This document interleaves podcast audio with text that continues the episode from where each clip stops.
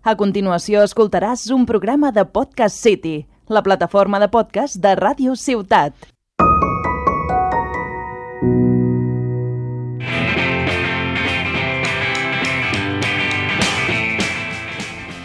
Hola, hola, hola, hola. Benvinguts al nou programa de Pas Zero. Sempre tenim molta il·lusió, però el d'avui és especial. Tenim amb nosaltres un invitat de luxe, el gran Berni Álvarez. Així que avui ens ho passarem molt bé. Comencem.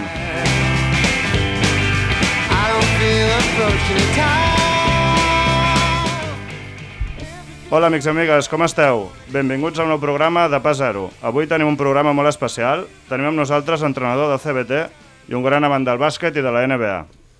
Així que passem a saludar-lo. Què tal, Berni? Hola, bona tarda. Com estàs? Bé, bé. Bé, que ens has portat? Totes aquestes samarretes que tenim aquí ens les has portat tu? Alguna especial? Suposo que totes, però... Bueno, totes tenen el seu puntet especial i la veritat és que a totes li tinc molt d'apreci, no? Cadascú en el seu moment, però totes, la veritat és que totes tenen el, el, el seu punt especial, no? Molt bé, saludem a l'Albert. Què tal, Albert? Bé, home, aquí, una setmana més. Que, Avui- guap, que guapo has vingut avui. Has vist? Sí.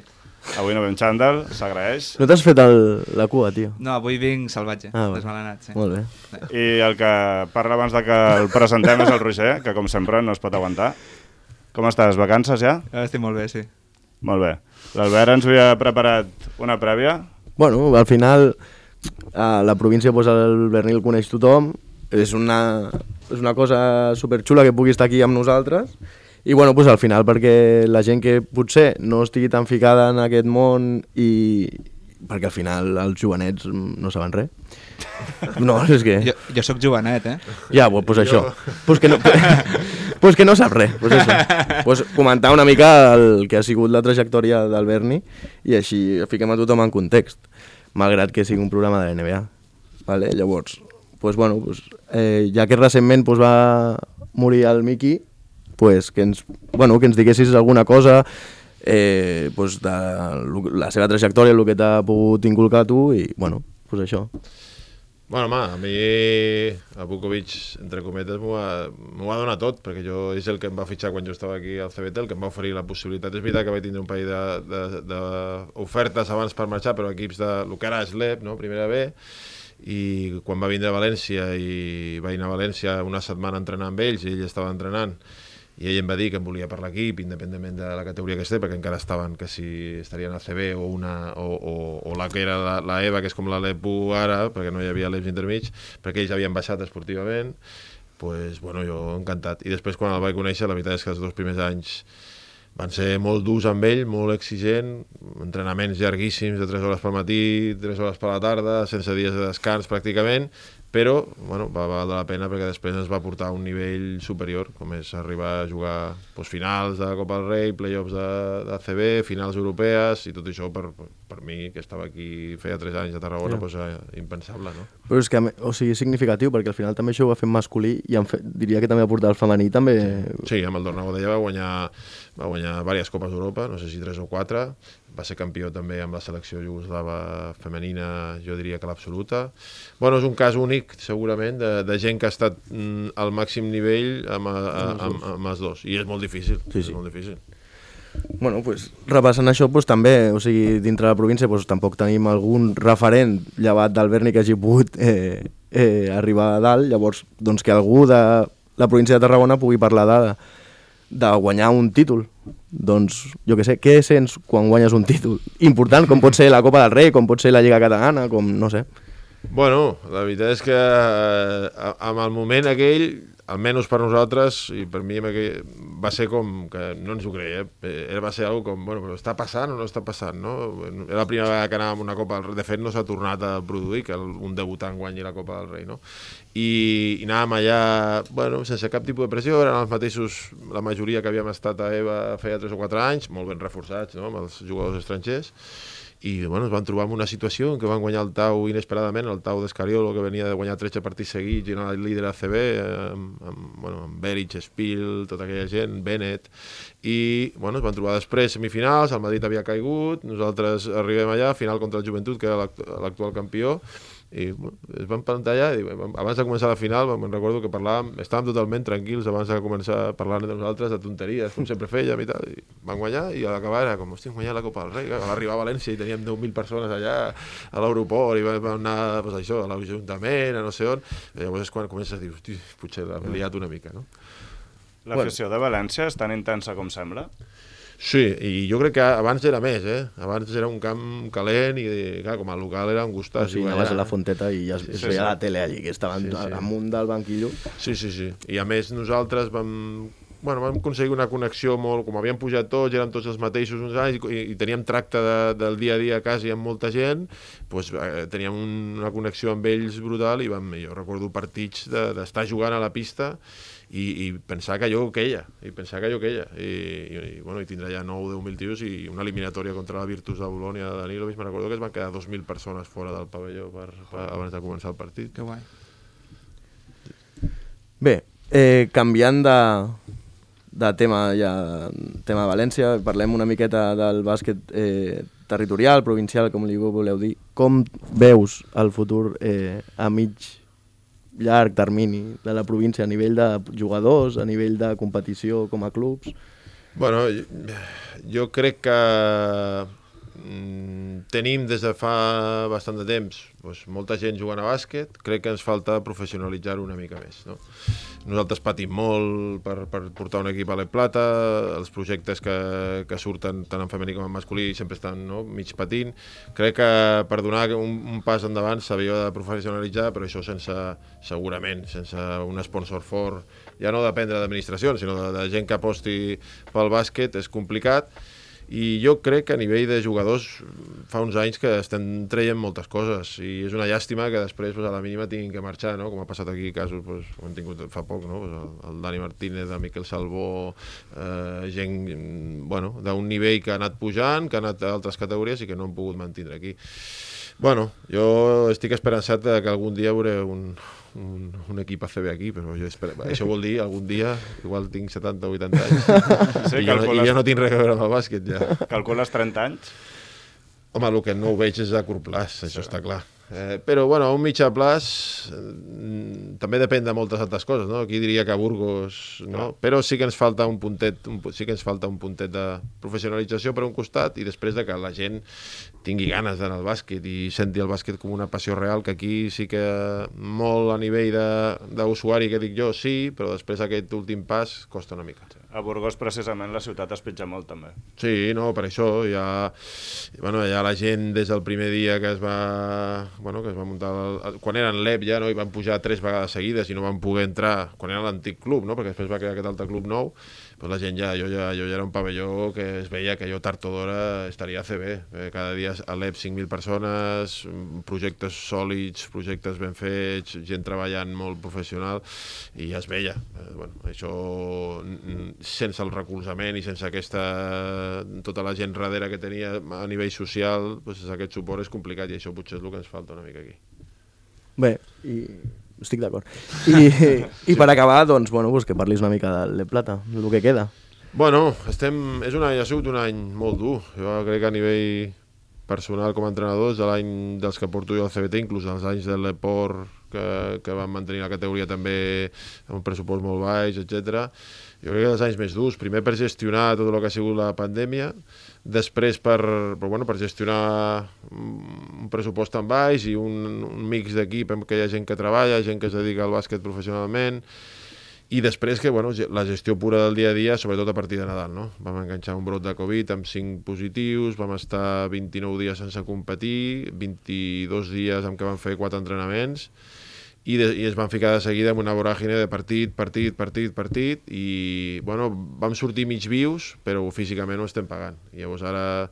Bueno, ens queden tres partits durs, hem de- d'evitar el descens directe mm, sí o sí, el abans possible, i després encarar el que ens vingui, i si és el play-out, doncs el play-out, però encarar-ho amb, amb intentar, sobretot, recuperar gent físicament, perquè tenim gent, gent tocada que no està podent entrenar i que i ens fa falta una mica d'energia, i, i després, bueno, moralment afrontar-ho sense cap, segurament no, som el pressupost més baix, doncs, bueno, si tinguéssim que jugar al play-out o el que passi, doncs, ho jugarem. No? El cas és acabar amb la sensació de, de que ens hem forçat al màxim, que hem fet al màxim, i aquesta sensació la tinc. Una mica de frustració també tenim per tot el que ha passat, sobretot post-Covid, no?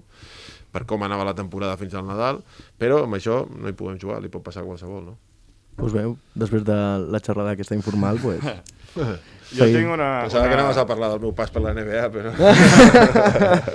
Jo tinc una pregunta que tinc curiositat i és saber, del, abans que parlàveu del Bukovic, el, quin és l'entrenador que més t'ha influït a l'hora de ser tu després entrenador en la manera, ja sigui tàcticament o de gestionar l'equip? Mm, bueno, a nivell, a nivell tàctic, mm, eh, segurament no hi ha cap dels que he tingut, he agafat cosetes, no? però no, no he tingut... He inte- he intentat jo una mica, no? tot i que, bueno, no sé si me n'en surto o no, però de crear una mica un segell una mica propi, no? Eh, perquè Vukovic era un, un tipus d'entrenador més mm, tàcticament que jugava molt el mateix però per repetició, repetició, repetició, repetició amb Edu Torres i amb Diego Campos sí que no? hi havia moltes més coses a l'hora d'entrenar mm, més tècnica individual més situacions curtes de joc, etc. I he anat intentant agafar una mica de cadascú. Sí que és veritat que de Vukovic a mi em queda molt la disciplina, no? Jo intento ser que els meus jugadors siguin molt disciplinats amb, pues amb, amb l'entrenament invisible, eh, que sembla una tonteria, no? que, que arribin puntuals, que estiguin preparats mentalment, que si tenen una estona o a la mínima que puguin un entrenament voluntari vinguin, tot aquest tipus de coses, perquè això ens ho va ficar al cap de que, bueno, i ens va anar bé, no? en aquella època, de, que el treball, treball, treball, Era- treball, pues, dona resultats. era el típic entrenador iugoslau? O... Sí, sí. sí, sí, sí, sí. A mi jo, bueno, uf, te puc explicar mil, eh? I tirant a més, perquè clar, Sèrbia són molt bons tiradors i, per... i el tio volia que arribés a nivell allà, i llavors a vegades em passava 3 hores del matí fent carretons i fins que no ficava 20 seguides no marxava, i fins que no fiquessis 90 de 100 no marxaves, i allò, pues, bueno, vinga, vinga, hores i hores i hores. Vaig estar mirant les estadístiques i tens temporades de llançar més del... O sigui, de notar més del 45% en triples, Sí, que és una animalada. Sí, bé, a més, sent tan especialista, la veritat és que vaig tindre uns anys molt bo, un any vaig quedar, eh, vaig anar tota la lliga primer del percentatge de lliga CB i tota la temporada vaig estar per damunt del 50 i, i un altre vaig acabar amb 46 vaig acabar cinquè, me sembla. I bueno, sí, era la meva especialitat, la veritat és que, tot i que la gent sabia que era el que feia, bàsicament, no? el que, per lo que em buscava l'equip, però bueno, el, la veritat és que, per exemple, el Miqui amb això tenia molta confiança i els altres, no? pues, i també s'especialitzava molt, no? llavors jo era el tirador i si tenia que, si jugava algú per tirar, tenia que tirar-la jo, no, no podia tirar qualsevol altre, si jugava en una situació d'una altra, però tenia que acabar el rodilla, o tenia que acabar el luengo, o però amb això, i, i t'ho ficava tu al cap, de que tu has de tirar i tu l'has de ficar, i si no la fiques, ets, un merda. I llavors te ficava no? una mica de pressió, però bueno. La... Ui, perdó, perdó. Amb el bàsquet d'avui en dia haguessis xalat, no, aleshores? Tant de 3 i joc Home, si, si hagués tingut un, un bon jugador de pick and roll i un gran que jugués en pick and roll i jo estigués tranquil·let a la cantonada, jo crec que m'hagués anat bé. Després, físicament, per aguantar defensivament i tot això, hagués costat, però sí que és veritat que el bàsquet d'avui en dia mm, és bastant diferent i el jugador tirador eh, està molt buscat i obrir les defenses avui en dia és bàsic perquè tot el 90% dels equips juguen pick and roll i, i això és la base de, de, de, la, de mol- molts atacs i tindre algú que t'obri el camp pues, és bàsic. Llavors, pues, bueno, jo crec que m'hagués defensat bé. Molt bé, doncs, si us sembla bé, passem a la secció de les notícies on parlarem una mica de l'actualitat de la NBA.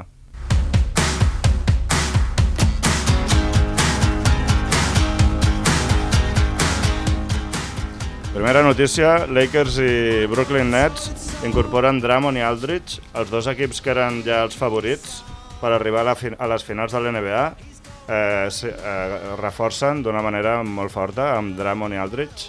Com ho veieu? Ja indiscutiblement serà la final? Què en penseu, Roger? Jo no... És que no ho tinc clar, perquè cada dia em canvia l'opinió sobre un equip o altre. Ara Lakers eh, estan sense LeBron, sense Davis, estan molt de baixada. Com tornaran, com es recuperaran, cauran molt a, a playoffs, eh, vull dir, a la lliga regular, cauran molt a la classificació, com es reper, reper, repercutir... reper, Eh, tranquil. Repercutirà. repercutirà això als playoffs. Uf, tinc... Els dubtes que tenia abans amb Nets els tinc ara amb, amb Lakers. Si haguessis d'apostar, quines, són la, quines seran les finals? És que potser apostaria... eh, Nets... Nets Lakers, segurament, però amb molts de dubtes. Jo a l'oest no ho tinc gens clar, però absolutament gens. A, a l'est sí que crec que Ne- Nets poden anar bastant a pisonadora. Albert? Quina... Jo crec que arribarà el moment principal i l'Ebron estarà al 100%, Anthony Davis estarà al 100%, a sobre porten a Drummond, s'ha acabat la broma aquesta de la lliga regular, arribaran Lakers, arribaran Lakers i luego al, a l'est, pues bueno, depèn de com surtin els partits, és que al final pff, am, ho estàvem parlant abans, o sigui, a mi Aldridge, a, a mi em sembla que està de tornada, Però és que no hem d'oblidar que és Kevin Durant Sí, i Irving no, Harden. sí, o sigui, sí. Aldridge serà un problema bastant secundari. Si no està bé, no passa res. Però el que passa amb Aldridge és que no et solu... o sigui, el problema que té Nets, problema és la defensa, que és un coladero. I Aldridge no et soluciona això. O sigui, et ve a portar encara més en atac. Jo crec que algú de tall defensiu li hagués anat molt bé a Nets, perquè crec que anirà a guanyar els partits a base de punts, i potser això a playoffs pot no, ser un problema. no pots guanyar mai a, a ficar més. jo, jo, crec, crec que no. Jo crec que no, però tenen els jugadors per fer-ho. Que els hi surti bé o no, un altre tema. Berni, com ho veus? Mm. Home, jo crec que el moviment és millor per Lakers que per, que per Brooklyn, eh? Sí, jo crec que Drummond amb 27 anys, Marc no està acoplant-se molt, no? i jo crec que el que diu l'Albert, no? que arribarà el moment, l'Ebron segur que està, Anthony també segur que està, i, i Drummond els hi aportarà. No? El, el dubte amb Aldridge és... Eh, la pilota l'ha de tenir Harden, l'ha de, de tenir Irving, l'ha de tenir, de tenir Durant, i ell no és un jugador de, de pick and roll, no? de continuar, de rebot ofensiu, és un jugador que també s'ha creat els seus propis tirs, molt al poste baix, llavors no té molta cabuda dintre de tot això, no? Eh, igual un especialista defensiu li hagués vingut millor, a més tenint en compte que té gent, a més a més, no? Griffin, Harris... Bueno, jo ho veig dubtós. L'únic que el camí per l'est no sembla tan dur com el camí per l'oest i això, excepte Milwaukee, sembla difícil que, qualsevol, que, que, que algun equip li pugui plantar cara a Filadèlfia, potser. Però igual els hi fa arribar més frescos a, al final, que els Lakers si es troben pel camí i ara comencen a baixar per, per les lesions de la, bueno, el rànquing i els hi toca Clippers pel camí eh, Phoenix, que és un bon equip bueno, eh, els hi pot costar Denver no? eh, però el moviment a mi m'agrada més el de Lakers que el de, que el de Brooklyn Sí. Jo, jo penso, per acabar el tema, que quan veiem jugar Kevin Durant ens tornarem a recordar de que guanyaran els Nets la conferència. Perquè el Nadal també teníem el dubte, ui, els Nets va jugar 5-6 partits i és que quan el veus jugar... És que Sí, és però el problema és podrà jugar tot el playoff a, a, físicament, aguantarà per jugar quan comenci playoff cada dos dies i amb la intensitat del playoff, perquè ja, Clar. a Lliga regular ja li ha costat i d'on ve, eh, doncs jo no sé, és el dubte que tinc. Kevin Durant, evidentment, sí. és un superclasse, només el El Lebron que està al seu nivell, no? Però... Pot ser que amb els acompanyants que li han fitxat, com Aldridge i com Harden, doncs pugui descansar més i llavors arribi millor al final. Veurem, veurem. Veurem. veurem. A més, a aquest any és molt complicat per, per predir qualsevol cosa. Sí. O sigui, és que en qualsevol moment lesió, contacte amb Covid, no sé què... Mm, Públic, però també pot canviar molt la història. és, quan... és, totalment, és, és, és molt complicat, però jo coincideixo. Crec que Drummond és molt millor fitxatge per Lakers que no Aldridge per Nets ara mateix. Dos primeres rondes i Wendell Carter a Orlando a canvi de Vucevic i el Farouk Amino. Albert, què et sembla? No, espera que parli Berni de Vucevic, li vam parlar l'altre dia. Bueno, a mi no, no és un jugador, no és sant de la meva devoció, crec que és un jugador... No, man, a veure, un molt bon jugador, l'estar i tal, però una mica un pelet sobrevalorat per mi, eh? Molts números i, i jo tinc dubtes de que sigui determinant per, per, per fer millor un equip, eh? Jo els dubtes que tinc. Mm, Evidentment, sempre parlant de que parles de jugadors tops, no? Però, bueno, lo d'Orlando és, és curiós. Li tinc que preguntar, no li he preguntat al Martí Artigas, que són bon amics, que és el cap de scouting d'Orlando Magic aquí a, a, Europa, i que hem coincidit en molts, en molts campus de NBA de Treviso que he anat, he anat i, i, li tinc, i tinc curiositat per preguntar-li de per què, què han fet, no? Per què, no? Tanta, ta... Han rebentat l'equip. Per què? Vull dir, no el draft avui en dia tampoc t'assegura... Abans era més determinant, no? Tantes rondes de draft... 34? No, això és... Això, No, això, eh, és Oklahoma. Oklahoma. Vale. Sí, però bueno, també tenen un munt sí. i, i eh, bueno, no sé, no, és, és algo que no, no acabo d'entendre massa i jo entenc, jo si fos fan d'Orlando costaria, em costaria molt pensar que, que m'han destrossat l'equip, no? La defensa de Chicago interior de Mark Cannon i Vucevic ja fa una mica de por, eh? Sí, sobretot per ells mateixos, no? és, és, que, és que Mark Cannon... Jo, jo només... Vucevic els dos, eh? Sí, però col·laborador. Sí, però bueno, jo crec que Markkanen és molt pitjor defensant. O sigui, Vucevic és molt dolent defensant, eh? però Markkanen... Jo, o sigui, d'Orlando el que no entenc són, eh, o sigui, el traspàs, jo crec que per Vucevic podria ser aconseguit més.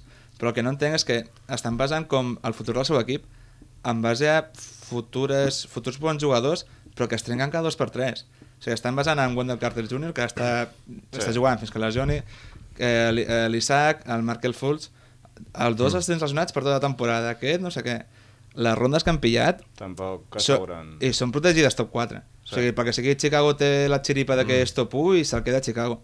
Jo crec que és un traspàs bastant desastrós i Vucevic tampoc és un tio que m'entusiasmi. Sempre et poso l'exemple dels playoffs amb contra Raptors, el Marc Gasol, Sí, sí. el, el va sacar. O sigui, sense fer res, li va baixar 15 punts, eh, o sigui, 10 punts, els percentatges mm, 30% en tres de camp. Totalment. Jo crec que, bé, una mica desastre tot plegat.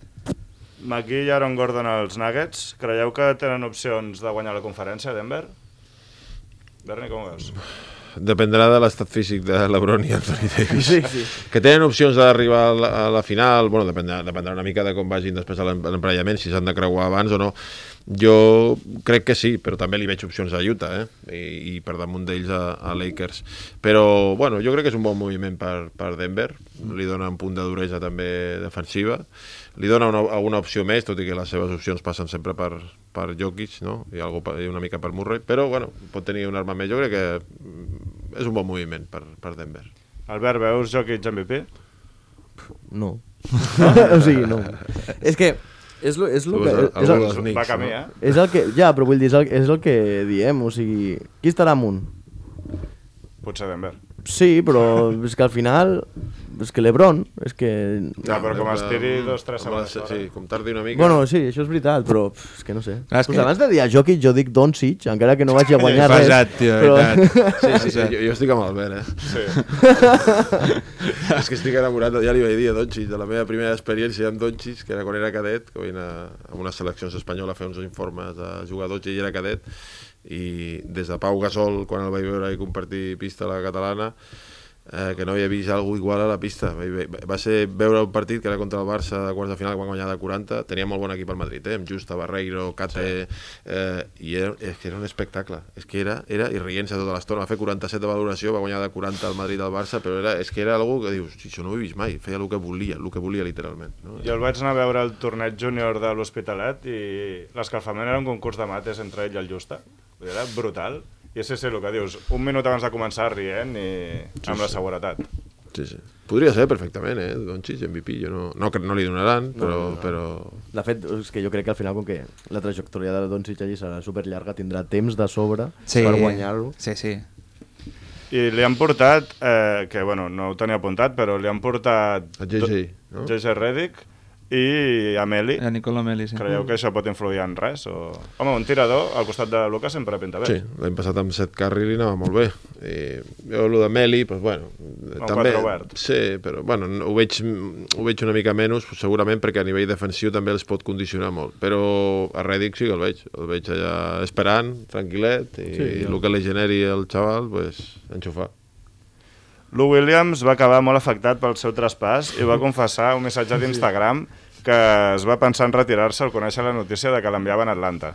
Encara no ha anat a Atlanta amb l'equip, així que, que és un jugador que també té fama d'anar a puticlubs i, Jo- i de deixar-se anar bastant. Jo, jo, no, jo no crec que estigui tan afectat perquè, si recordeu, quan estava a la bombolla va estar un, un temps sense jugar perquè a Atlanta hi ha uns, unes leites de pollo que màgicament estaven en un club de striptease, però pura casualitat. Que, li, que eren les millors dels Estats Units, aleshores no crec que estigui tan trist De- Atlanta, no? tenint les millors alites de pollo al costat de casa. Eh? Quan, quan miri el contracte i el número de, del compte, igual diu, bueno, igual no em retiro, no? Sí, sí. Però bueno, no, jo, jo crec que fa, fa, un, fa el seu paper, que sí. a, a tothom li agrada jugar amb els millors i tindre opció de guanyar, no? Però, bueno, aquestes coses quan ets professional Clar. has d'estar acostumat. És que Clippers en Rondo ens els prenem més en sèrio no? I jo Per, igual. perquè ningú l'ha nombrat, els ha nombrat en cap moment.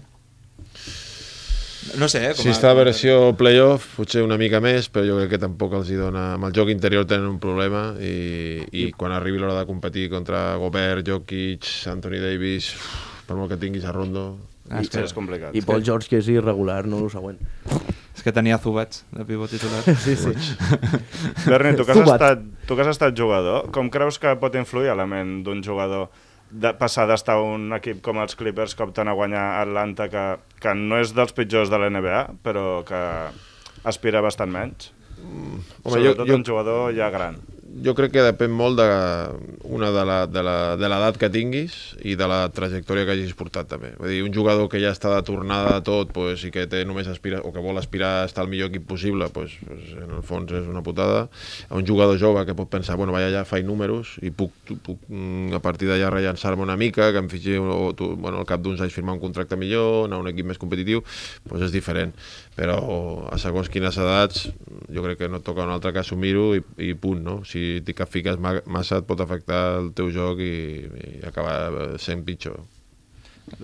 Jo crec que, que es deixarà anar bastant, eh? És complicat. Williams, eh? Sempre ha estat en equips perdedors, ja tenia l'oportunitat d'estar Clippers que li havien, bueno, li havien, ja estava ell allí, li havien muntat un equip que estava bé i ara sortir d'allí pues, és complicat, perquè sempre ha estat en equips de merda. No, i, parla, i parlant d'Atlanta, que és un equip que li ha fet el llit al seu entrenador descaradament. Perquè no crec que Nate Mac, el Macmillan aquest tingui la vareta màgica per començar a guanyar partits. Però tothom parla superbé eh, del Lloyd Pierce. Sí, però per això no entenc...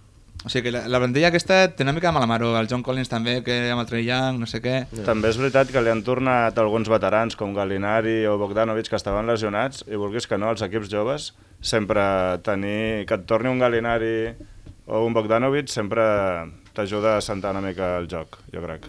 Bueno, quan aquest tipus d'equips depèn molt de les dinàmiques. Si enganxes una dinàmica positiva, tot és positiu, la gent rema a tothom cap al mateix costat. Quan comencen les coses a anar malament, doncs, bueno, hi ha jugadors de, del perfil d'algun d'aquests que bueno, ja comencen a anar més a la seva, ja comencen a haver una mica més de mal maró i això a vegades doncs, no és fàcil ni per l'entrenador ni pels propis jugadors de portar-ho. Llavors, també a vegades les expectatives són massa altes. Jo, sincerament, Atlanta tampoc el veia abans de començar la temporada com un equip per estar entre els quatre primers, eh? Nosaltres, nosaltres potser ens vam Sí? flipar una mica. No, nosaltres, dels quatre primers no, No, però playoff. però playoff sí, però jo és que crec que poden entrar Però a va- playoff. Bueno, de fet va. estan a posicions de playoff. Però vam acertar en lo del Rondo, eh? Que Sí. vam dir que venia aquí a pillar el contracte i marxar. I ha estat tal qual. Ha tardat poc, sí. Sí.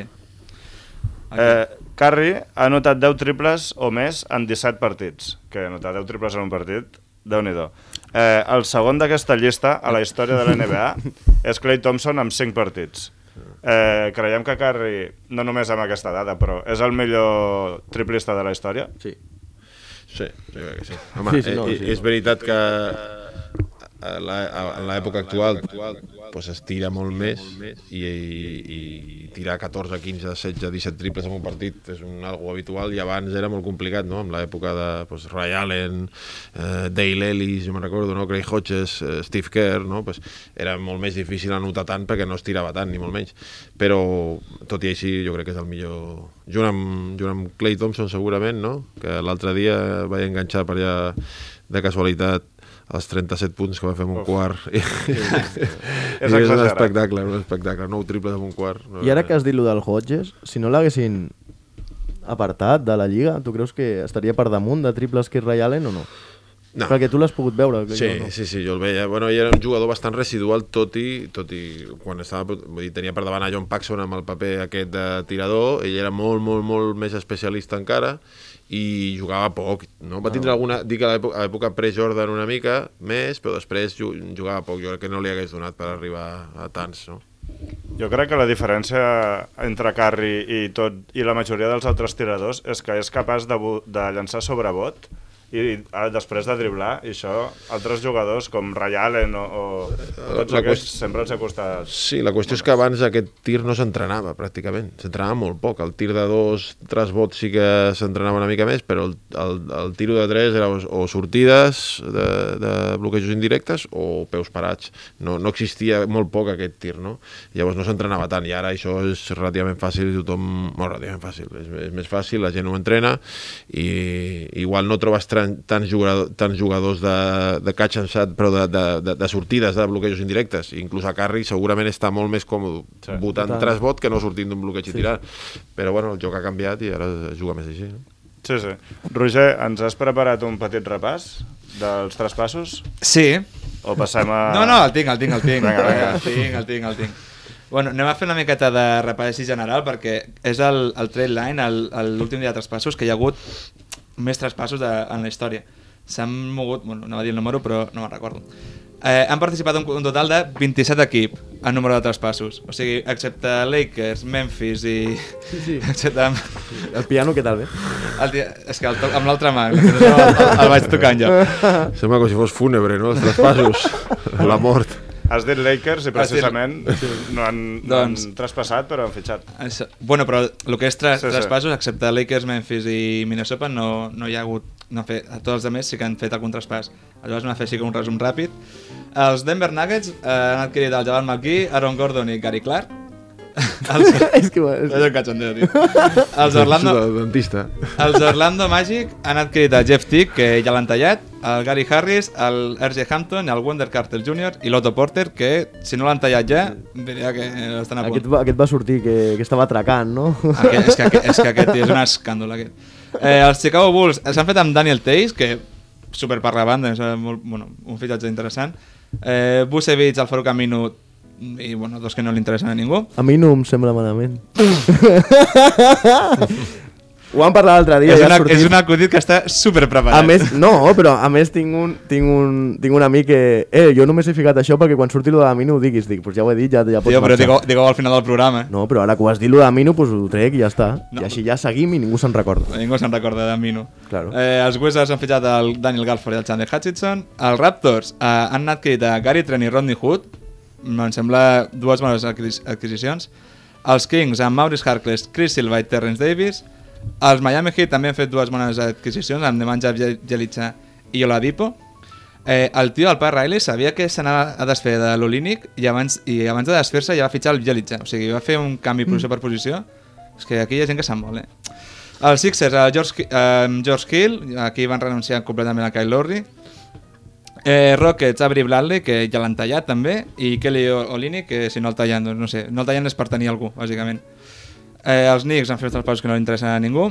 Eh, els Celtics els van fer amb Evan Fournier, mm, van utilitzar l'excepció de traspàs que tenien i van donar una o dues segones, segones rondes. Però és expiring també, no? És expiring, no sé, no sé si té opció de jugador, però bueno, jo crec que és un, algú que necessitaven. En la marxa de Hayward, un organitzador Ja. així... Bueno, millor, jo crec que millor això que res. I jo, a més... jo hagués anat a per un interior, eh? Sí. Sí. Si hagués sigut el Celtics, un 4 i ficat Aitum de 3 o un 5 Sí, però més poderós, els ells no només no és que no hagin anat, sinó que s'han desfet de l'interior que Sí. tenien. Jo no, Sí. no sé. Jo també hagués anat per l'interior, la veritat. Però bueno. Els el ma- Aldridge hagués estat bé, eh? I ja sé Sí. que... Sí, bueno, entre Res i estimat, però- Sí, entre Res i Aldridge... Aldridge.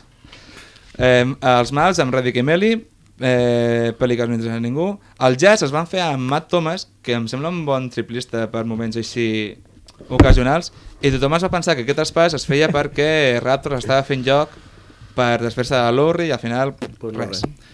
Clippers amb Rondo, que ja hem comentat, Lou Williams amb Atlanta. Atlanta i com a així més interessant també Norman Powell, Norman Powell a, a Blazers amb un traspàs que a mi encanta molt o sigui, donar Gary Trent i Rodney Hood per Norman Powell que també és expiring, bueno, té opció de jugador però és que el tio està fotent 20 punts per partit eh? vull dir, potser jo crec que Blazers que té una rotació llarg, àmplia és un traspàs que els hi pot sortir bé Eh, Potser. tallo un moment que l'Albert del Rei ens ha saludat. Hombre. És la primera, és l'única persona que ens ha saludat. Pots parar de fer-nos semblar losers, tio. Digues que ens, és, entre molta gent Sí, no, clar. has vist el seu comentari. Doncs fins aquí el resum de traspassos de l'últim dia. Molt bé. A mi Norman Powell m'agrada A mi bastant, també. eh? Powell m'agrada, eh? Sí. I... Sí, sí, sí. I Escariolo quan parla, a vegades que parla molt poc, eh? Quan parla de, de, de, no, del tema de Toronto i parla molt, molt bé de l'ètica de treball de, de Powell. Sí, sembla que és un equip, Toronto, no?, que treballa molt amb els jugadors d'una manera, o sigui, molt més concrets en, per desenvolupar-los, no?, que altres Sí, perquè al final si a camp, no? Ves, ves, ves, ves jugadors allà, Powell mateix... L'Amblit, també, l'Amblit, el Buixer aquest, aquest any. Sí. sí, jo crec que és un dels equips com amb mentalitat més europea, segurament, de, no? perquè això doncs, sí que és, a Europa es treballa més, allà és el rendiment immediat del jugador, serveixes no serveixes, no? i allà també el fet d'intentar desenvolupar jugadors, doncs, jo crec que Toronto és un dels equips que més aposta per això. Doncs sí. Després d'haver guanyat l'anell, eh? perquè clar, també en aquell moment va apostar per Kawhi i per, Sí. per Mar, vull dir que no eren, no eren jugadors de molta Sí, no? sí. Ja, immediat, no? Van muntar un tros d'equip i Danny Green també van Sí. incorporar. Sí, sí. Així que, déu nhi eh, Passem a la secció del Roger, a veure què ens ha preparat. Una altra secció del Roger.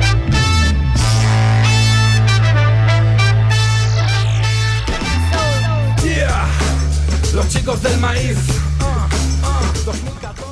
Quins temazos, eh? Roger? xicos del maïz eh, patrocinen a la secció. Molt bé. Bueno, doncs anem a fer un joc, Berni. Aquest, eh, passem d'ells dos i estem tu i jo. Ah, vale. I anem a imaginar-nos, d'acord, que la NBA fa una ampliació de la Lliga i ja ens imaginarem que a tu et fan entrenador dels Tampa Lions, un equip, Dels Tàrraco Del- Lions. dels, un equip que ens acabem d'inventar. Tàrraco Romans. Doncs ara ets entrenador dels Tarraco Lions, de la NBA, Ro- Romans mola, també. Romans. eh. Romans. Bueno, dels Tàrraco, va. però al ser una nova franquícia no, no tens cap jugador. Quan passen aquestes coses, i això, això és real, això no ens imaginem, eh, es fa una espècie de draft d'expansió, que és que els altres Sí. equips doncs, protegeixen X jugadors i tu pots escollir eh, jugadors que tenen contacte amb altre equip. Resumint, tu podries escollir a Caruso, però dubto molt que puguis agafar-te Kevin Durant, d'acord? Però es veu, ens tornem a imaginar, que tu li caus molt bé a l'Adam Silver. A amics. l'Adam Silver, des de que et va veure en un programa de ràdio que es diu Pas Zero, li, va, li vas agradar moltíssim, va molt simpàtic, i et va dir que, que volia que guanyessis l'anell ja. El teu primer any amb els Tarraco, no sé com li hem dit al final, volia que guanyés, la- guanyessis l'anell. Aleshores, mm, eh, malgrat les restriccions, et deixa escollir el, una estrella de la NBA pel teu equip, la que tu vulguis. I això és el que intentarem averiguar. Eh, jo t'aniré proposant una sèrie de, de característiques de jugadors i tu m'hauràs d'anar dient en quin et quedes, pues, un jugador jove o veterà, i tu em vas dient. Vale. Eh, I aleshores, amb les teves respostes, jo aniré tatxant aquí jugadors i ens quedarem amb el, la teva estrella, que potser tu no ho saps, però és la- l'estrella amb la que tu guanyaràs un anell de, de la NBA. Vinga, vol, vol. Eh, et sembla? Vol, vol. Vol, vol. Et, sembla, et sembla bé la proposta? Perfecte. Va, doncs dale. Eh, la, primera, la primera dicotomia que et poso és si per guanyar un anell, ja. Si voldries un jugador més jove, més novatiu, per així dir-ho, però amb potencial per ser una gran estrella, o un jugador més veterà i consolidat que sigui una superestrella de, del moment. Home, per guanyar ja una superestrella del moment. Perfecte, em fas un gran favor contestant aquesta, perquè si no se m'anava tot el joc a l'aire, la veritat. Home, m'has ficat allò en plan... Sí, sí, sí, era- Si dius l'altre és que ets tonto, I eh? fins aquí el joc. He anat, he anat... És, le- és l'Ebron, no? bueno, bueno, anem a veure. L'estrella del teu equip, vols que en atac sigui un jugador imparable, però que pateixi una miqueta en defensa, o que sigui una estrella defensiva, però més limitadillo en atac? Prefereixo... mm. Bueno, és una pregunta de, que com a entrenador o com a, com a espectador diria diferent, però bueno, prefereixo un que ataqui bé, un que fiqui més. Més talent ofensiu que defensiu. Vale, perfecte. Eh, vols que l'estrella del teu equip, un equip nou a la NBA, vols que tingui un joc vistós i que faci xalar el personal, però que a vegades tingui alguna cagada, o un joc complidor i d'anar a la feina, però menys vistós, clar. Complidor, complidor i anar per feina. Un, joc, un jugador complidor i anant per feina. Mira que sortirà que guai, eh? Clar, és que hi ha, hi ha jugadors que són estrelles Sí. defensives i ofensives, aleshores aquests són comodins totals. Eh, quarta opció que et dono és, si vols una estrella que creguis que pot ser fidel al teu equip i pugui estar molts anys, o una estrella que estigui als teus equips, o sigui, que estigui al teu equip mentre estigui guanyant, però quan la cosa ja vagi malament, digui, mira, marxem i reconstrucció i aquests temes. Bueno, a mi romànticament m'agradaria no? que un jugador que pogués desenvolupar la seva carrera, retirar-se i el llegat no? que diuen, però bueno, sí, sí, millor, millor així, un que, un que, que pugui estar tota la seva carrera. Val. I per acabar, eh, vols que la teva estrella tingui experiència en playoffs i hagi guanyat un anell abans o que el primer an- anell que pugui guanyar sigui, sigui amb tu? M'agradaria que tingués experiència en playoff i que fos el primer anell que tingui que guanyar. Mm, val. Val. Val. que hagués perdut un parell de finals abans, o, ni que sigui de conferència. Val, doncs tatxem aquí una miqueta perquè aquesta última resposta no me l'esperava. I aleshores... Me crec que la, la gana, tot i que, clar, l'Ebron ha guanyat molt, però ha anat a cada lloc a guanyar, no? I, i la gana aquesta és el que l'ha fet també millor, vamos. Doncs, clar, aquí lo de la fidelitat també... Sí, l'Ebron aquí ha- t'he matat, eh? Aquí... Aquí, aquí m'has matat, però crec que podem salvar amb un jugador fidel Podem saber quin jugador triaries abans de saber la resposta que t'ha tocat? Ara per ara, Sí, pensant que tots estiguessin sants, sí. pues l'Ebron o Kevin Durant, un dels dos. Clar, durant el tema de fidelitat no els hi vagis a plaçar No, no, l'Oklahoma, no, perquè no, clar, no, aquí... no, pot... no, no, no, no. no, Oklahoma tampoc se'ns Jo ha dic si perdut tingués que triar, vull dir així, a Sí, sí, sí. sí. si tingués que, vull dir, que fer un equip al voltant jove i tal, jo et diria Doncic. Ara mateix. Jo, bueno, a mi el que m'ha sortit així, més o menys, també hem de dir que és bastant subjectiu tot aquest tema. Crec que la teva estrella Miles, Miles subconscient Turner. és Damian, Damian Lillard. Home, No, no, no està mal. no està mal, eh? M'agrada, eh? És jo crec que jugador- Damian Lillard, un tio amb experiència, ha jugat final de, una final de conferència, un tio complidor, o sigui, o sigui, o sigui quan, el tio quan ha d'estar al game time te'l fa, No em desagrada, Un no em desagrada. un tio fidel. Molt ben acompanyat, perquè la posició que juga no pot dominar tant, tant, tant, sobretot en playoffs. té les seves carències, Sí, però molta personalitat, eh? El clutch time, ahí, eh? No tindràs problemes per dibuixar la- l'última no, jugada. això està clar. Bueno, la NBA és bastant fàcil, eh? Tio des del logo i vinga. Ja està. doncs ja tenim l'estrella dels Tarracó Damian, em sembla bé per començar a Damian. Lillard, no? Sempre Ja. diuen, no?, per construir o, o, un, o un base o un gran, tot i que avui ha canviat bastant el cuento, ja està bé, ja m'agrada. Doncs fins aquí la meva secció. Moltes gràcies, Berni. Molt bé. El trucaré a veure si tenim pressupost.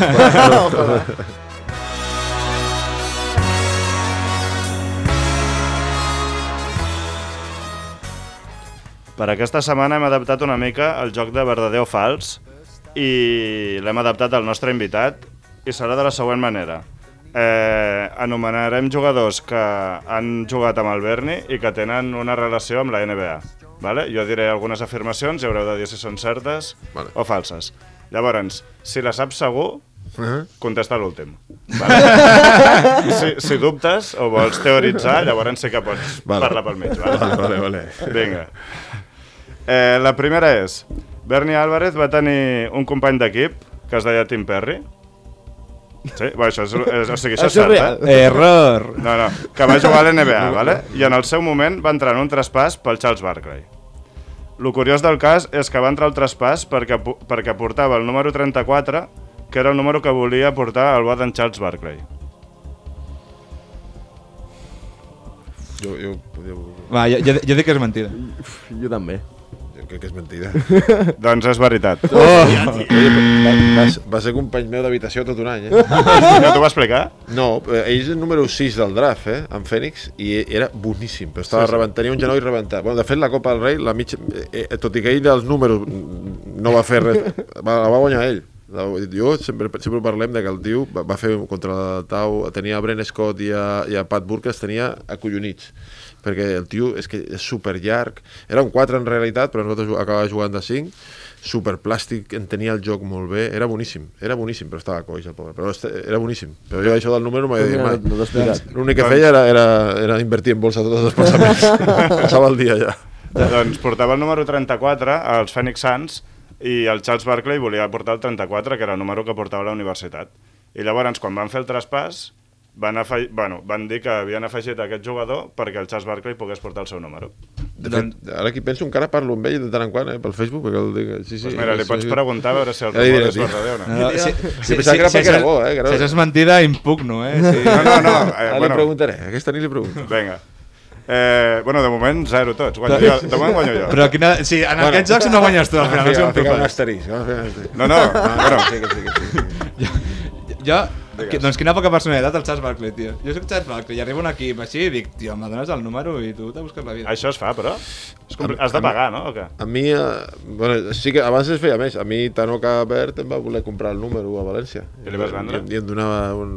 bastants cadenets. Jo vaig dir que no. Potser li tenia que dir que sí. no, no, no, perquè jo volia el 5 i portava el 5 tota la vida, excepte la selecció espanyola eh, eh, sempre havia portat el 5 i jo volia el 5 i quan va arribar ell, ja venia de ser MVP amb el Madrid, em va dir, et dono tant per portar el número. I va dir, no, Doncs el Charles Barkley t'hagués traspassat i s'hagués quedat el número. mira, hagués passat. La número 2, Johnny Rogers, company teu també al, als dos llocs, no? Va ser a València Sí. i a Lleida, pot ser? Sí. Eh, va ser elegit en el draft de l'any 86 entre Arvidas Sabonis i Dennis Rodman. En aquell draft també va sortir Petrovic. Això últim, us ho regalo. O Jo sigui, jo dic- Sabonis... O sigui, hi havia un draft. O sigui, el draft del 86 hi havia... Era el 24 o 25, alguna així, vale? Hi havia Arvida Sabonis, Li pregunto. el Johnny Rogers Pregunto? i, i Dennis Rodman. Li pregunto Jo, no? jo dic que és cert. Així, dintre de la meva... mm, d'això de loser, com els d'això, però jo dic que és dius que és cert? Sí. O sigui... Va, doncs jo diré que, jo diré que, que és fals. Perquè tu no... pre pregunto no? Sí, però falta que et contesti al moment. Ostres, I te contestarà. Sí, veritat. Ah, però si parlem, el seu fill està jugant a Lleida, per dir. Sí, el guanyaves als entrenos a triples? De o 3 què? sí, de 2 impossible. Impossible. Un tio que fotia 99 de 100 impossible. Però de 3 eh, guanyava i es ficava molt nerviós, sempre volia competir més i més. A mi em fa dubtar, eh? jo sé que ell va estar a Cleveland, a Sacramento, Sí. em fa dubtar, eh? Pels anys, eh?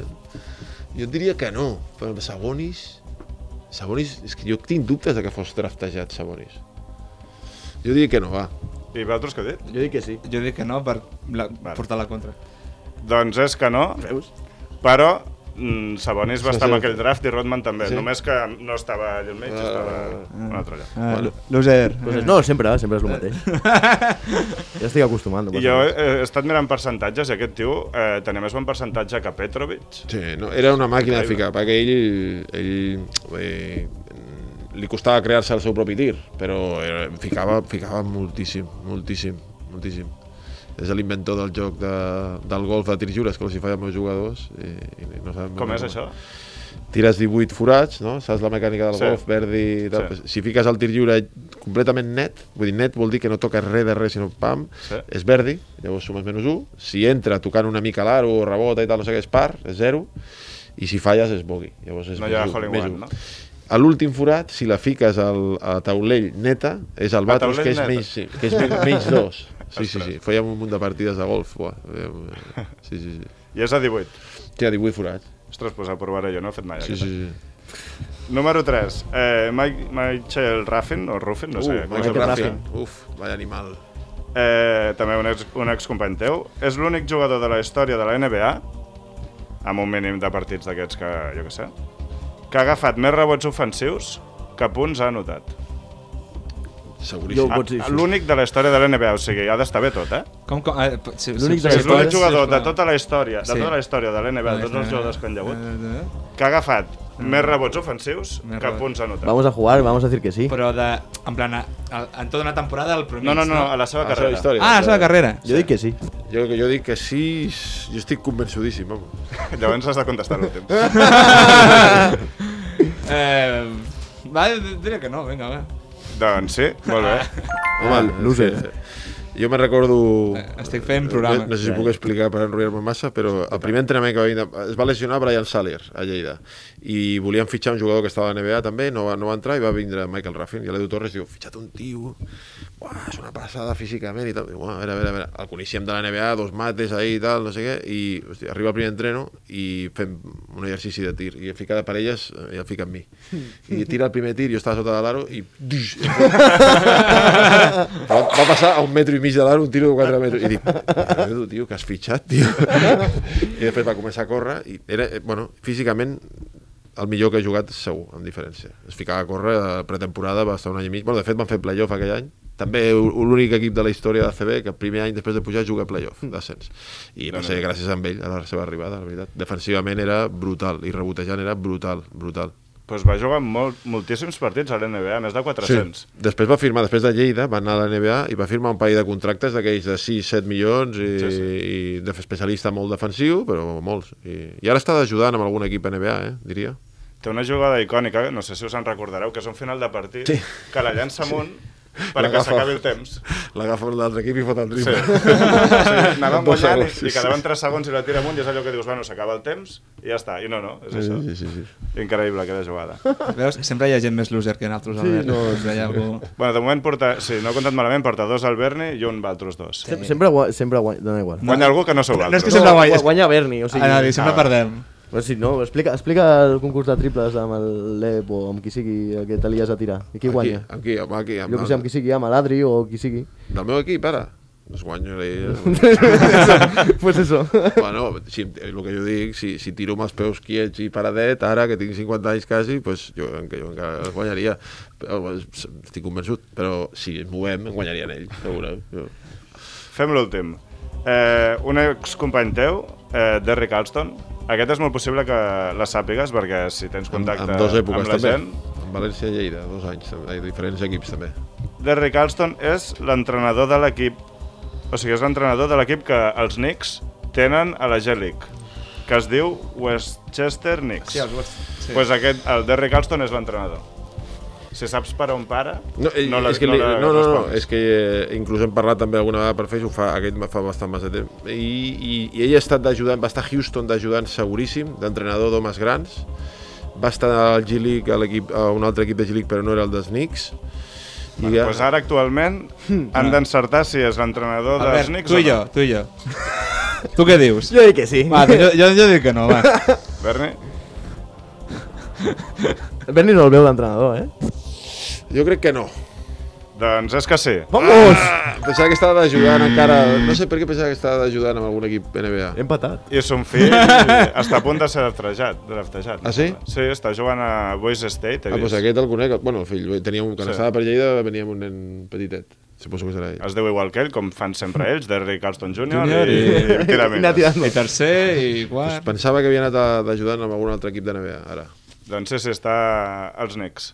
Eh, I no res, doncs heu guanyat vosaltres dos i no tinc pregunta de desempat. He guanyat altres dos o no ha guanyat ningú. No, sí, tu has, per- tu has perdut, Ens, segur. ens repartim el premi. Passa va. I passem a les preguntes dels espectadors, que avui que hi ha el Berni ens n'han fet bastantes.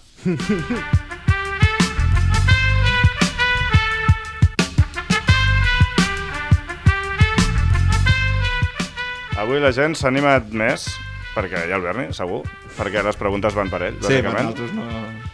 Eh, Gerard Pereira li pregunta al Berni si en un futur li agradaria entrenar a algun equip ACB. Home, eh, evidentment sí, però ho veig, sóc realista, és molt complicat.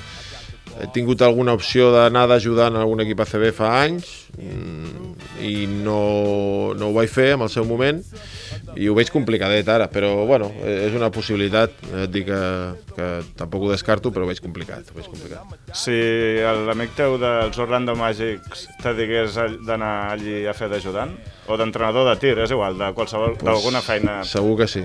De fet, una de les coses que sempre em, allò que he tingut una mica de no, allò de dir, hosti, tenia que haver-ho haver fet és amb el Johnny Rogers, que tinc Sí. molt bona relació. Ell ve a, a molts campionats d'Europa, d'aquests de xavals, i, i havia fet algun informe jo per ell quan treballava, perquè ell em pregu- m'ha preguntat pel Joel Parra, pel Devon Van Ostrom, que va estar aquí a Tarragona, cedit per Bascònia, i li vaig, li vaig passar informes d'alguns jugadors, i em va convidar a anar a una lliga d'estiu. Quan ell, quan ell, molt xulo, això, eh? I, i a més pagant tots allà 15 dies a Las Vegas tal, i, però on van coincidir va ser l'europeu de Bratislava U18 fa dos anys i jo ja, ja anava amb la selecció i no volia deixar, ja estava ficat allà i, i vam quedar que amb el futur ho tornaríem a intentar, però bueno, tots els estius següents també he anat amb seleccions i aquest any va ser la pandèmia, però és una de les coses que sí que m'agradaria com a mínim viure aquells 15 dies, tinc algun company que ho ha fet i... Ha de, ha de ser una experiència brutal. Eh? Sí, sí, sí. Albert del Rei ens diu que està indignat amb el fet que les estrelles s'ajuntin en un equip per guanyar un campionat i ens pregunta, o ens comenta que què en pensem nosaltres. Albert, tens opinió? Et molesta? És que al final, què és que s'ajuntin les estrelles? Perquè sí que ara està molt de moda dir això, però jo què sé, Michael Jordan no jugava sol. O... Bueno, però no... Però Kobe no una- jugava sol. Una mica més sol, Michael, sí. Sí, home, una mica més sol, però Scottie i Rodman i, Però- i Harper i... A primer, els primers tres anells, jo és que sóc molt fanàtic de Michael, eh? No. eh els primers tres anells, Pippen i el de més era molt residual, eh? eh No, no, sí, és per ficar un exemple, que vull dir, jo què sé. jo crec que Tothom refereix... ha tingut dos, tres jugadors que no eren megacracs, òbviament, com estan fent ara, però que, bueno, pues Però- acompanyaven a la superestrella. Però- jo què sé, la River no jugava sol. No, clar que no jugava sol, però crec que no s'ha arribat mai a l'extrem de que tens a tres top 10 de la Lliga al mateix Magic equip. Johnson, Karim, James Worthy, Baylor... Ah, no. Però jo crec que la, diferen... Worthy, Worthy Però- Michael Cooper... la diferència és com els has Byron Scott. aconseguit, no? El problema és aquest. Jo crec que la diferència és tu fas un projecte amb el que els jugadors creixen i arriben a un nivell, no? pues Scottie Pippen, no? Clar. que arriba a un nivell eh, superior, o ja els compres fets. No, sí, I bueno. és diferent, no?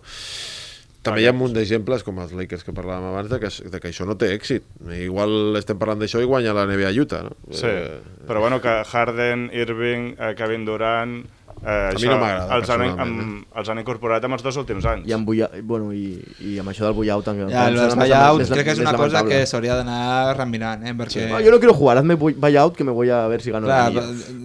Al final crec que els jugadors estan tenint massa control sobre la lliga també. El sindicat és molt fort, eh? Ahir Sí, Derek sí. Fisher, no? És, està... Sí. I, i, el, I el tema això de lo romànticament maco seria doncs, que cada equip tingués la seva estrella i que arribessin als playoffs i no sé què, però al final arriba un moment que la gent vol guanyar sí. Jo us volia comentar una cosa, però amb aquest tema eh, no és bastant pitjor el tema d'Espanya, per exemple. El Barça té una plantilla que flipes de les millors d'Europa, el Madrid també és sempre així, són els millors de la CB amb diferència, i el Barça acaba de fitxar el Pau Gasol, per exemple. Vull dir, mm, no és molt pitjor això que el que han fet els Lakers, per exemple, que el fa 5 anys estaven perduts de la mà de Déu. Home, jo, jo sincerament sí que és veritat que veus amb una certa, no? una, una certa tristor el fet de que saps, tu ja saps qui arribarà a la final de la Lliga CB i amb el 80% dels casos a la Copa, a la, a, a la a l'època que jugava jo, tot i que el Madrid tenia Bodiroga, Herreros, de, eh, eren guanyables, i el Barça també era guanyable. Nosaltres, de fet, vam guanyar la Copa del Rei, i aquell any Manresa guanya la Lliga, sí. i nosaltres vam arribar a una altra final de Copa del Rei l'any següent, eliminat a l'Unicaja de Malkovich, al Barça de Pau Gasol, vull dir, eren guanyables. Ara, ara això, per un Fuentlabrada, és impossible, tot i que ahir quasi guanya el Palau, sí, sí. però en condicions normals eh, és molt difícil que Barça, Bascònia, eh, Madrid i València no estiguin entre els quatre primers. No? Té molt de mèrit lo de Tenerife, té molt de mèrit també bueno, Unicaja que va fent, però al final bé, saps que Madrid-Barça està, estaran allà. Vull dir que ens posem les mans al cap veient el que fan Sí. els nets, però aquí és així i, i més descarat, potser. Sí, segurament. I més, més ara, segurament amb el Barça, eh? no, no és que no sigui ni molt menys, no? perquè, perquè el Madrid encara, Garuba, Locen, eh, la. Doncic, no? ha, ha anat una mica reconstruint, eh, però el Barça al final ha anat a, a tiro fijo, no? Sí, sí. Sí, això és veritat. Xavi Pérez ens pregunta què opines de la defensa U3-1. Mm, Tot el camp o mitja pista? Suposo que mitja pista. Però no sé, suposo que a mitja pista. Sí, sí, sí. dir, tot, després l'has d'acoplar a baix, entenc, amb, Sí. amb, a mitja pista. Bueno, jo crec que està una mica en desús perquè limita molt, limi, si està, vull dir, és molt fàcil d'atacar si ataques bé, no? Castigant molt les cantonades i tens bons tiradors i, i també forces molt a, a, a jugadors a estar en posicions que igual no els hi toca perquè la gent fica a darrere moltes vegades fica gent molt mòbil però que després et condiciona pel rebot jo la veig una mica complicada de fer. Amb edat, amb, amb edat més jove, o en època, ara que estem amb, el, amb la lliga universitària, més assequible, però a nivell sènior, professional o NBA inclús, complicadeta. Per un moment determinat, per dos atacs, per intentar canviar un ritme de partit, tal, sí, però no la veig com algo consistent. Tu l'utilitzes alguna vegada? No, nosaltres fem una fem una pres tot el camp, que caiem amb una... que comencem en 3-2 i si la pilota va a la cantonada canviem a 2-3, vull dir, depèn d'on està la pilota, canviem si a, de, de 3-2 a 2-3, però no, la U3-1 jo no l'he utilitzat mai, a seleccions la vam utilitzar el primer any que vaig anar, amb la U19, però Potser per formació, no? Per cadet, per ficar a la primera zona i no començar amb una, dos, tres així sí, estàtica. tot i que en formació el fet d'utilitzar zones, doncs, eh, No, però vull dir, dic un, ca un cadet, eh, per exemple. Bueno, no, no, Per no, no està malament. Si és molt agressiva zones. i, molt, i, Sí. sí. i, tens, i tens gent, per exemple, equips que són molt similars amb alçada, que no tens gent molt, no, molt diferent en quant a tamany, bueno, pot, pot estar bé, pot estar bé, però ja et dic, mm, més enllà de formació és complicat. Sí, jo tinc una pregunta, que és que l'altre dia pel Twitter vaig veure una foto d'un d'un mini eh, plantant una zona. Super, bueno, Està és, així. sí, sí, eh, molt heavy. Quin, com cre quina creieu que és l'edat o categoria ideal de començar a treballar Jo- això? Jo que consti que sóc una mica diferent a vegades de, de, del pensament de, a vegades aquí, sempre que algú fica en zona en cate, segons quines categories, eh, ah, zona, zona, jo dic, home, al final s'ha de saber atacar zona també, eh? I, i és un recurs més que té la gent. La, el problema és quan l'utilitzes com a base de la teva defensa i a segons quines edats. Llavors això sí que em sembla malament. El tema és que jo crec que Catalunya està com més mal vist i si te'n vas fora de Catalunya, hi ha moltes comunitats que tu vas va- mini, vas vas, a a preinfantil, vas a i- infantil sí. i, i la tenen, eh? I te la menges, sí, I te la sí. menges. És, eh, eh, per exemple, en categories de formació s'utilitza, en seleccions s'utilitza, eh, com alter... però sí, són alternatives defensives eh, quan la teva defensa principal és, eh, és home, no? I després eh, que són recursos tàctics que, que et poden anar bé per segons quins partits, però també a partir de- a partir d'una certa edat. I per acabar, ens pregunten quin és el millor tirador amb el que has jugat i el millor tirador que has entrenat. I quan diuen ens pregunten, sí, aquesta és meva perquè tenia, tenia curiositat i de. Amb el que he jugat, Sí, i el que has entrenat. Eh, pa, pa, pa. Tirador de 3, pues, segurament Alberto Herreros, tot i que em va guanyar una final d'un concurs de triples ACB i el tinc una mica. L'any següent el vaig guanyar a semis, eh, però vaig perdre la final. Eh, segurament Herreros, des que jo recordi. I m'agradaria entrenar a Carroll, la veritat. El JC Carroll, m'agradaria entrenar-lo, no? I després, bueno, eh, Ray Allen l'he tingut sempre com un pedestal, com a dels tiradors, no? de, de, les, de les icones de tirador. A qualsevol d'ells dos, una a nivell NBA i l'altra a nivell ACB, m'ag- m'agradaria entrenar-los. I amb els que has compartit equip? Bueno, Johnny Rogers era un tirador espectacular, la veritat és que era un tirador espectacular, era un tio, ficava, la... però no era un tirador a l'uso d'allò que dius, eh, tu penses en un tirador, penses algú que està sortint de bloquejos, no?, i sortint i tirant. Després, pues, bueno, compartit vestidor, Alberto Angulo era boníssim, però tirant de dos, la veritat que era sempre eh, tir tras bot, i, i ja, ja està. Eh, Vaig veure que vas jugar amb Pablo Lasso, no? Sí, sí, sí, sí. Vaig, van coincidir van coincidir un mes i mig, es va, l'últim any de Lleida ACB que jo vaig estar, es va lesionar eh, Jaume Coma, no, Roger Grimau, estava en Roger Grimau i Jaume Coma de, de, de bases, i es va lesionar, eh, estava dos mesos de baixa, llavors ell no tenia equip, estava entrenant amb Basconi, havia acabat l'època de Girona i el van fitxar. I de fet, sempre ho explico, perquè anàvem a casa d'Alberto Angulo, el Lasso, l'Angulo i jo, sempre a veure els partits d'Eurolliga. Eh, Sempre, cada, cada, cada, cada setmana allà. I, i, I era molt pesat o no? No, però és, super cachondo, eh? I molt bon tio. De fet, també hi parlo molt poc, perquè em contesta molt poc, el típic de Nadal i alguna vegada quan estem a seleccions. I, i és un tio, a més, ja li se li veia, és que era tot el dia bàsquet, tot, tot, tot el dia, tot el dia. Tot, tots els tres érem una mica així, però ell el seu era a un altre nivell, tot, tot, tot. Parlava de bàsquet el 99,9% del temps, no? Molt bé, doncs, fins aquí el nou programa de Passero. Donar les gràcies al Berni per venir. Esperem que hagis estat a gust. Havies de dir alguna cosa, Albert? No, no, que no, no tenia clar si era el 9 o el desè, Sí, però... tenim aquest dubte. No? Sí. És el novè, és el novè. Jo porto el compte. El programa Ah, va per un lloc i nosaltres anem per un altre. altra. Novè programa, novè programa. Vale, sí. Vale, vale. Pensava que l'Albert no va dir que era ell el millor tirador. Que Eh, no, no segur. escarrà, l'Albert. Sí, segur. Eh, donar les gràcies a l'Òscar i no res, esperem que hagueu estat a gust, que hagueu disfrutat del programa i no res, seguiu-nos a Twitter, a Instagram Sí, segui- i pel carrer. però què dius, tio? i moltes gràcies per tot. Adeu. Vinga, vagi bé. Adéu. was all I had. I was shaking from a storm in me. Haunted by the specters that we had to. Has escoltat un programa de Podcast City, la plataforma de podcast de Ràdio Ciutat.